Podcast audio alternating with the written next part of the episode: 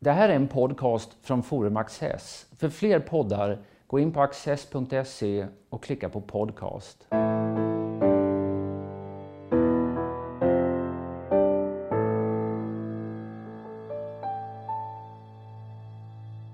Välkomna till Studio Access och varmt välkommen även till Benjamin Dosa som är min gäst idag. Du är förbundsordförande i Moderata ungdomsförbundet.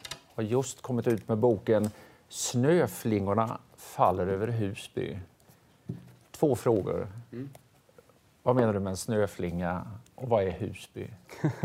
ja, det, det, det, är bra. Det är grundbultarna i hela boken. Den handlar just om två saker. Å ena sidan Husby som är ju såklart ett bostadsområde norr om Stockholm där jag är född och växte upp kring Järvafältet. Och det är egentligen en, en typ av metafor för de migrations och integrationsproblemen som vi har i Sverige. Så att, eh, Egentligen handlar det, delvis handlar det ju såklart om Husby, men egentligen handlar det om de, de riktigt stora puckarna som man kan applicera på egentligen alla liknande områden i hela landet. Och delvis då om snöflingorna som är en, en, generation. Det handlar inte om höger och vänster utan en generation människor födda 1980 eller senare. Där det är viktigare att signalera sin godhet, signalera att man bryr sig än att man faktiskt löser problemet, bland annat då i Husby. Och hur den här då friktionen blir till mellan eh, mellan hur, hur man ska ta ansvar för de problemen som man säger sig bry sig om men som man kanske egentligen inte, inte riktigt bryr sig om. För man åker dit mest för att visa upp sig själv och ta bilder på, på Instagram än att faktiskt ta tag i problemen. Men varför det här begreppet snöflinga? Vad är... Ja, det, det, är ett begrepp som har blivit ganska, ganska stort i USA. Eh, då, tycker jag, då har det i och för sig använts i en lite annan, delvis annan kontext. Mycket av, av Trump-supporters av eh, alt-right-rörelsen på internet har det kommit ner. Eh, men jag tycker att begreppet inte ska avskrivas för att eh, Donald Trumps anhängare använder begreppet. Utan jag tycker att det på ett ganska bra sätt fångar dubbelheten också i individualismen. Å ena sidan är vi ju alla en, en, en unik uppsättning av snöflingor med egenskaper och, och allt vad det innehar. Å andra sidan visar det på bräckligheten man har som individ och som människa. Han smälter lätt. Exakt. Ja. Men det, det är en skör generation alltså som du beskriver. Är, är det ett nytt grepp det här liksom som ungdomsförbund att, att eh, plocka poäng på att skälla ut sina jämnåriga? Ja, och det, det, det, är ju i och för sig inte alla, men jag tycker att det på ett ganska tydligt sätt beskriver den generationen och de dragen, dragen som finns. Och jag har hittat ganska mycket evidens som finns. Det är inte bara allmänt tyckande, utan vi har bland annat gjort en initiomätning som vi släpper vi hittar erfarenheter från ja, David Eberhard som, som när han jobbar inom psykiatrin också. Så att, eh, vi tycker oss se ganska tydligt att det finns drag av, av och Eberhard har skrivit mycket om att unga tål motgångar sämre än vad man gjorde tidigare. Exakt, exakt. Och att vissa värderingar som länge har präglat Sverige kopplat till att göra rätt för sig, att ansträngning ska löna sig, att de börjar vittra sönder också. Och det ser man ganska tydligt att det inte bara skiljer sig mellan vuxna och, och, och, unga utan att det faktiskt blir sämre och sämre för varje ny generation som kommer in. Kom det fram något intressant nytt, nya intressanta data i den här mätningen du lät göra? Ja, alltså delvis. Det är väl mer, mer att förstärka poängen att, att vi faktiskt har en generation av snöflingor och att unga i, i stor utsträckning eh, präglas av, av eh, den typen av värderingar. Och var kommer de ifrån? Ja, jag tror att de kommer från en, en eh, ungefär, ja, kanske tre olika delmoment egentligen. Först och främst uppfostran. Att snöflingornas, alltså mina, mina föräldrar är i stor utsträckning uppvuxna efter andra världskriget. Och då ville man absolut inte att eh, dumma och elaka åsikter skulle få, få ta fart i samhället. Och därför så har just den här att man hela tiden ser åsikter som farligare än än eh, kanske fysiska slag. Den, eh, den idén har slagit rot i, i min föräldrageneration som i sin tur har präglat uppfostran. Curlingmentaliteten tror jag i stor utsträckning har, har präglat min uppfostran också. Det har ju också tagit fart i skolan att den relativism vi ser i läroplaner på lärarutbildning, jag tar några konkreta citat också i boken, att eh, menar, alla som, är, som har gått skolan ungefär samma år som jag har gått har hört att så här, nej, men det finns inget rätt eller fel, det viktigaste är hur du resonerar. Och det har jag alltså hört av lärare i naturvetenskapliga ämnen. Eh, och jag menar, fostras man så av sina föräldrar och i sin tur i skolan och dessutom har mediala förebilder som också har den här typen av värderingar. Då tror jag sakta men säkert att det, det sipprar ner hela vägen till en bred ungdomsgeneration. Din företrädare i ämbetet, här, Fredrik Reinfeldt, han, han, skrev ju bok också, eh, vilket han möjligen har fått äta upp eh, senare i livet. Eh, där var det välfärdsstatens fel att folk inte tog initiativ och var kraftfulla. Sen kanske han ändrade sig under resans gång, men vad, hur ser du på den frågan? Nej, men det, det är klart att eh, man kan göra kopplingar mellan den generella och stora välfärdsstaten eh, kopplat till vilka värderingar som också har, eh, har fått fäste i Sverige. Så att, eh, jag skulle säga att det fortfarande finns en, en, en sån tydlig prägel på grund av välfärdsstaten. Du har ju profilerat dig en del i just skolfrågor och eh, den dag som denna, detta samtal förs så har du en artikel i Dagens Nyheter där du går in ytterligare i, i skolfrågan. Är, är det det här som är skälet till att du tycker att den är så viktig? Ja, ett av många. Eh, sen tycker jag i en, i en bredare samhällskontext. Jag menar, eh, som, som liberal, som höger, så tycker man ju att eh, politiker inte ska reglera utfall. Alltså, om man anstränger sig så ska man få tjäna mer. Om man eh, startar ett företag och det går bra för företaget då ska, man, då ska man få tjäna mycket pengar. Det tycker inte jag är något konstigt. Men jag tycker att förutsättningarna, grundplattan, måste ändå vara stabil och där spelar ju skolan en oerhört stor roll. Och just kopplat till, till skolpolitiken tycker jag att Sverige i 40-50 år har gått i helt fel riktning och där ska man väl vara självkritisk. Nu var jag inte aktiv då, jag är inte 40-50 år gammal, men, men att även Moderaterna... Du är jämnårig med friskolesystemet. Ja, exakt. Ja. exakt.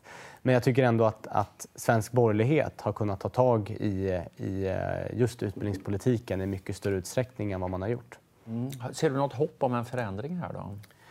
Just på utbildningsområdet så tycker jag faktiskt inte att eh, jag ser särskilt ljusa signaler just nu. I många andra politiska områden har, har högern verkligen förstått kopplat till integration och bidragsberoende, arbetsmarknaden, konkurrenskraft. Men på skolan tyvärr så ser jag inte mycket ljus just nu. Och vad kommer det sig? Jag vet faktiskt inte. Det kanske är att eh, frågorna inte är tillräckligt prioriterade nu när man har en, en eh, så stora problem kopplat till migration, trygghetsfrågorna, att man helt enkelt prioriterar, prioriterar ner skolfrågorna. Eh, eller att man helt När enkelt... du säger högern, menar du Moderaterna då? Nej, eller? jag menar väl svensk borgerlighet i breda termer egentligen. Eh, det är väl Liberalerna som har försökt profilera sig i den typen av, av frågor.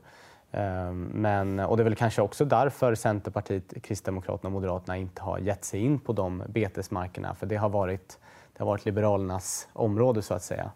Men jag hoppas att fler, fler i, i svensk borgerlighet börjar ta de här frågorna på allvar och prioritera upp dem också. För det är klart att Björklund var ju under åtta år en aktiv eh, skolminister som förändrade väldigt mycket på en rad olika områden. Samtidigt, eh, debatten nu den senaste tiden har ju inte minst efter Katarina Gunnarssons reportage på radion och sånt här om obegripliga betygskriterier och läroplaner det verkar vara en sorts eh, evighetsmaskin det här som de borgerliga uppfunnit, att man kan reformera och sen går man till val på att kritisera sin egen politik. Ja.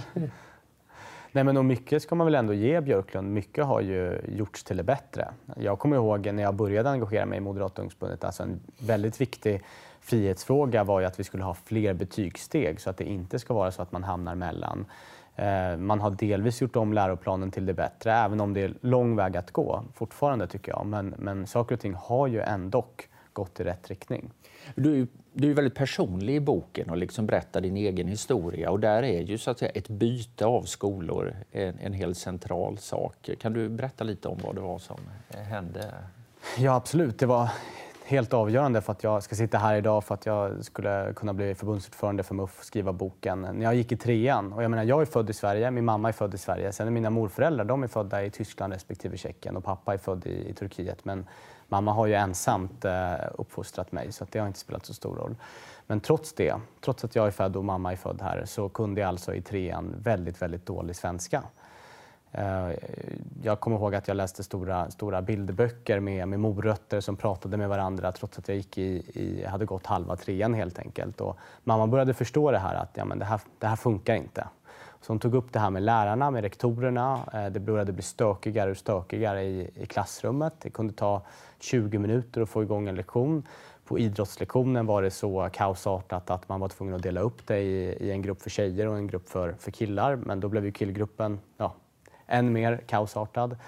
Så att hon märkte ju att väldigt mycket undervisningstid försvann. Ehm, så därför så tog hon upp det här med rektorn flera, flera gånger och de sa hela tiden att ja, men i relation till, i jämförelse med de andra eleverna så är ju Benjamin väldigt, väldigt skönsam. Ehm, han bråkar inte så mycket och jag menar absolut, svenskan går inte jättebra men återigen i jämförelse med vissa av de nyanlända eleverna då går det ju väldigt bra för Benjamin och vi måste prioritera dem som, som har det svårast. Så till slut så fick, så fick mamma nog. Eh, och helt enkelt, men hon var ju inte, jag menar, mamma jobbade som städare då, hon hade inte koll på vilka, vilka skolor som var bra inne i Stockholms innerstad. Men hon, ville, hon visste bara att hon ville, hon ville bort helt enkelt från Igelbäcksskolan i Kista. Hon visste att i princip allting var bättre än, än så. Så då tjatade hon in mig på Johannes skola eh, i Stockholms innerstad i Norrtull eh, och helt enkelt eh, ja, fick in mig där. Och där mötte du en helt annan miljö? Verkligen. Eh, där fick jag en, en, stram och sträng polsk fröken, Janina, som eh, hade ett eget betygssystem. Man fick ju inte sätta betyg så tidigt då, men det, det, det gjorde hon det tydligt att... Det var en eh, fin formulering om att hon satte svarta betyg ja, exakt. som är hemlighet. Ja. Exakt. Hon ja. tyckte det var dåligt att det i Sverige att, eh, att det inte var möjligt att sätta egna betyg, så hon hade stjärna, det var väl någon typ av MVG, och så var det godkänt och så var det bör förbättras. Och jag fick bör förbättras, hennes icke godkända betyg då, i alla ämnen förutom idrott. Uh, och jag kommer ihåg just när vi hade, om, om det hette lästimmen eller något sånt, man satt och läste en timme. Kommer inte riktigt ihåg hur, hur ofta det var, men att uh, kommer ihåg ett par av tjejerna, de, de läste riktiga vuxenböcker tyckte jag och det var Harry Potter och jag hade en dröm om att så här, kunde jag bara en dag läsa Harry Potter, då hade jag verkligen lyckats i livet. Uh, och de allra flesta läste någon typ av ungdomsböcker där det inte var mycket bilder alls. Så jag läste om mina morötter som pratade med varandra. Om du hade varit en snöflinga då, Eh, hur hade du reagerat på det här beskedet om att eh, du var underkänd i eh, alla ämnen i stort sett? Eh, men antagligen så hade jag väl skyllt på någon annan. Att det var, det var läraren Janina då som, som hade satt ett felaktigt betyg och jag hade försökt överklaga det. Och hade kanske skyllt på, jag menar, de flesta hade ju svenska efternamn i, i den nya klassen. Kanske hade skyllt på att ja, men det var ju bara för att jag hette Dosa i efternamn som hade, hon hade satt det här betyget. För det är en annan aspekt på det här med snöflingebeteendet som du skriver om. Det här att man sö inget är ens eget fel. Det, finns, det är alltid externa krafter. Exakt. Ja. Du talar om vikten av eh, man kan säga att det här skolskiftet då blev starten för en klassresa.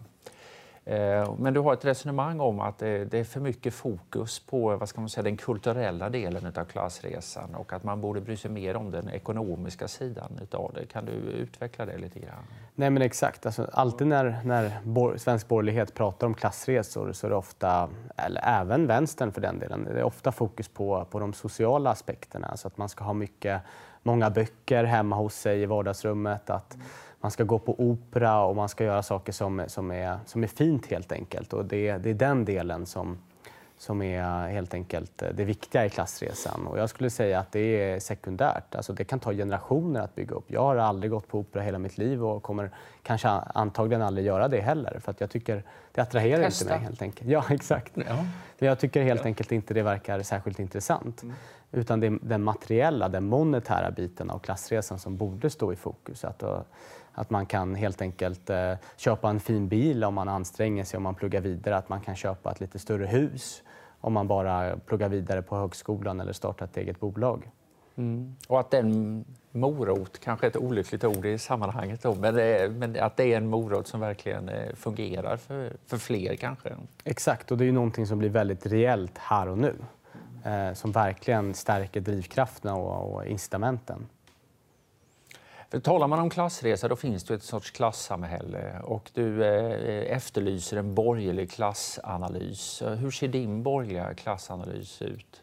Men min, jag, menar, jag tycker att i princip alla skriver under på att det finns skillnader i samhället, ekonomiska skillnader och att de delvis också är kulturella. Och då tycker jag att eh, man helt enkelt ska, ska jag menar, man behöver knappt erkänna det, men att det, det måste finnas eh, någon typ av analys där. Och där tycker jag ju återigen att, att man ska värdesätta klassresan, att skolan måste stå i fokus. Återigen att utfall ska inte svensk borgerlighet reglera, men man måste skapa bra förutsättningar och en bra grundplatta att helt enkelt kunna göra den klassresan. Eh, och att det ska då ingå i ett eh, klassanalysbegrepp helt enkelt. Men hur ser det klassamhället ut idag? Nej, men klassamhället handlar ju mycket om bostadssegregationen.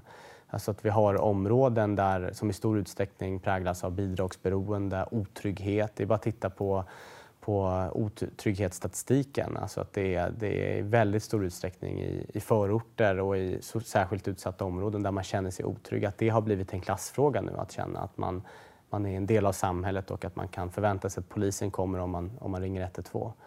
Så jag skulle säga mycket är ju kopplat just till, till den reella segregationen. Du har också ett resonemang om möjligheten att äga sin bostad och, du refererar till en undersökning som visar att en väldigt stor del av svenska folket vill ha möjlighet att äga sin bostad. Men att det i ja, det man kallar utanförskapsområden då, eh, ofta är dåligt med den möjligheten. Det finns inte så mycket bostadsrätter till exempel och kanske småhus inte alls. Då. Eh, de här försäljningarna av bostadsrätter, som, det har ju upphört i allt väsentligt nu och är rätt förtalat. Så att säga. Hur ser du på det? Jag skulle säga att det är jätte, jätteviktigt och här har jag ju nästan ett Bomanskt eh, resonemang att eh, vi, vi, borde ha en, en typ av ägardemokrati. Alltså att en, jag menar, om, man är, om man är på en förbundsstämma med Moderata ungdomsförbundet då ska man kanske inte värdera ägandet, hur, hur det ser ut, så länge det är privat så att säga. Alltså att privata hyresrätter eller bostadsrätter eller ägarlägenheter ska i princip inte vara någon skillnad. Men där tycker jag att just det egna ägandet, att man har egna ben att stå på, att man tar ansvar för blomsterrabatterna, fönstren, ser till att det är städat. Det är så tydligt tycker jag. Och det kan man också se i, i de områdena med hög andel bostadsrätter, till exempel Kista där jag bor idag som ligger precis bredvid Husby. Om man inte kommer från Järvafältet så vet man inte ens vart skiljelinjerna går mellan de här områdena. Eh, båda områdena har hög andel utrikesfödda. Eh, alltså det, det är ganska, i, i, svenska termer ganska fattiga områden. Men ändå så är det så stor skillnad kopplat till trygghet, kopplat till tri kriminalitet mellan Kista och Husby. Och det är ju för, tror jag i alla fall, att det är många fler i Kista som jobbar, många fler i Kista som äger sin egen bostad. Och då vill man också ta ansvar över det man äger. Mm. Men det här att det är många som jobbar, många som äger. Men du menar att ägandet är, är lika viktigt som jobbandet i det här fallet? Absolut, definitivt. Just att man, man tar ansvar för, för det egna. Eh, återigen, jag, jag tar upp en, en referens i boken om Husbykravallerna. Mm när, när det var väldigt många som brände bilar och tog sönder saker. De som var uppe senast, det var ju de som ägde butikerna och taxi, taxibilsägarna helt enkelt. För att de ville ta ansvar över sin bil. Det var deras kanske livsbesparingar som låg där. Det var deras, det var deras eh, nyckel till inkomst. Så det är klart att då tog man ansvar över det. Så bra socialpolitik, det är krav i skolan och möjlighet att äga sin bostad? Exakt. Ja detta är inte riktigt eh, fokus i din bok, men ändå liksom migrationsfrågan. Du tangerar ju den mycket, men liksom, eh, det är svårt att hänga med i svängarna i, i hur den utvecklas. Vad är, vad är dina tankar kring det som händer i den nu? Ja, den första tanken är ju att den definitivt inte är löst. Utan jag menar, det här kommer vara en, en, en väldigt svår och komplex fråga i väldigt, väldigt många år framöver. Jag tycker att man jag hade hoppats att vi hade kommit längre i en diskussion kopplat till asylrätten i sig. Eh, det finns ju tydliga problem i, kopplat till asylrätten som man behöver adressera skulle jag säga. Men så det finns väldigt, en stor dynamik, mycket känslor också, framförallt kopplat till snöflingorna just i det här. Eh, så att, eh, det skulle jag vilja säga är det första, att, att det är väldigt mycket kvar att lösa kopplat till migrationen. Mm.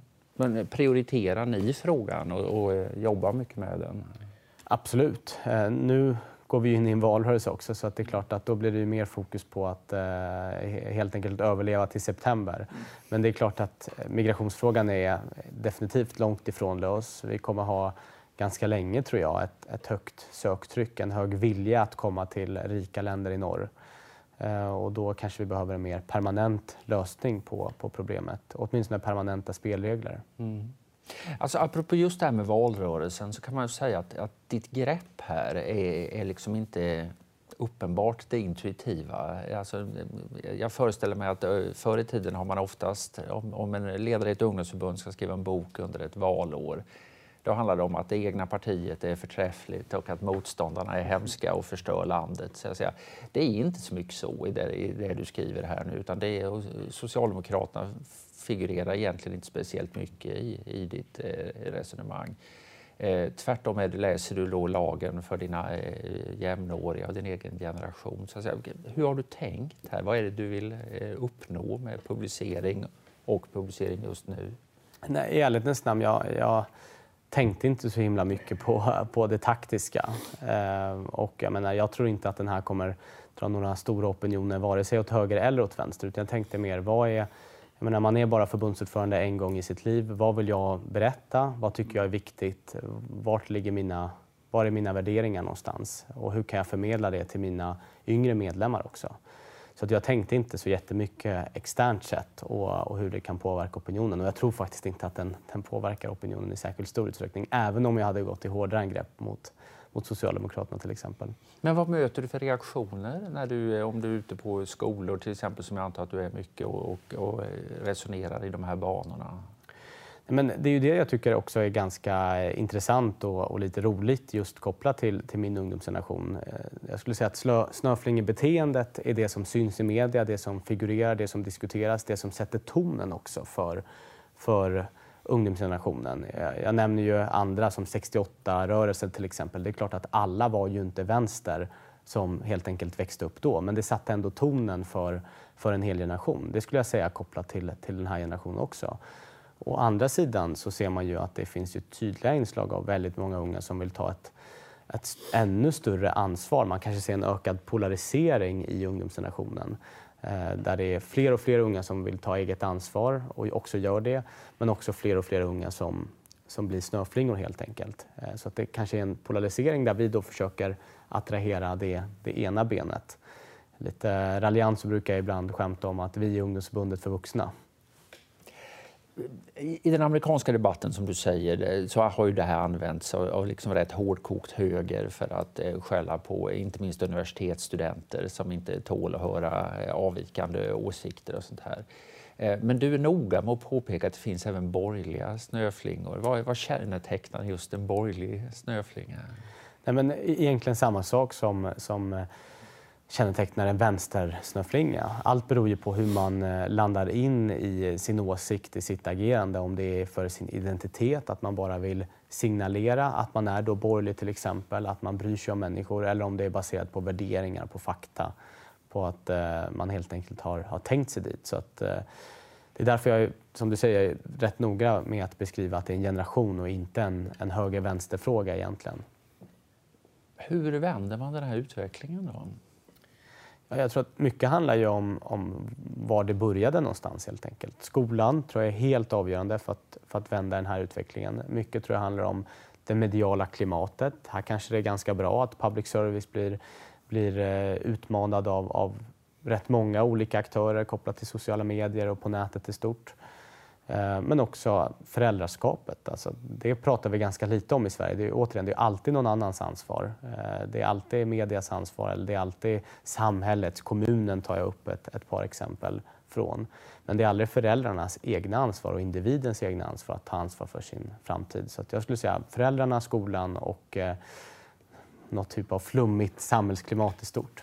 Så det är, mycket, det är en filosofisk diskussion egentligen, eller en ideologisk eh, kanske till och med? Ja, det är klart att ideologin och värderingarna finns med där, men, men den är egentligen större än en, en konkret sakpolitik år 2018 egentligen. Utan jag tror att det här kommer prägla Sverige kommande 10, 15, 20 år. Återigen, det jag tycker är nästan mest allvarligt det är just de, de här värderingarna som, som jag tog upp i början håller på att vittra sönder om att man ska anstränga sig, man ska inte leva på bidrag. Där har ju Sverige, eller de nordiska länderna egentligen, stuckit ut ganska länge.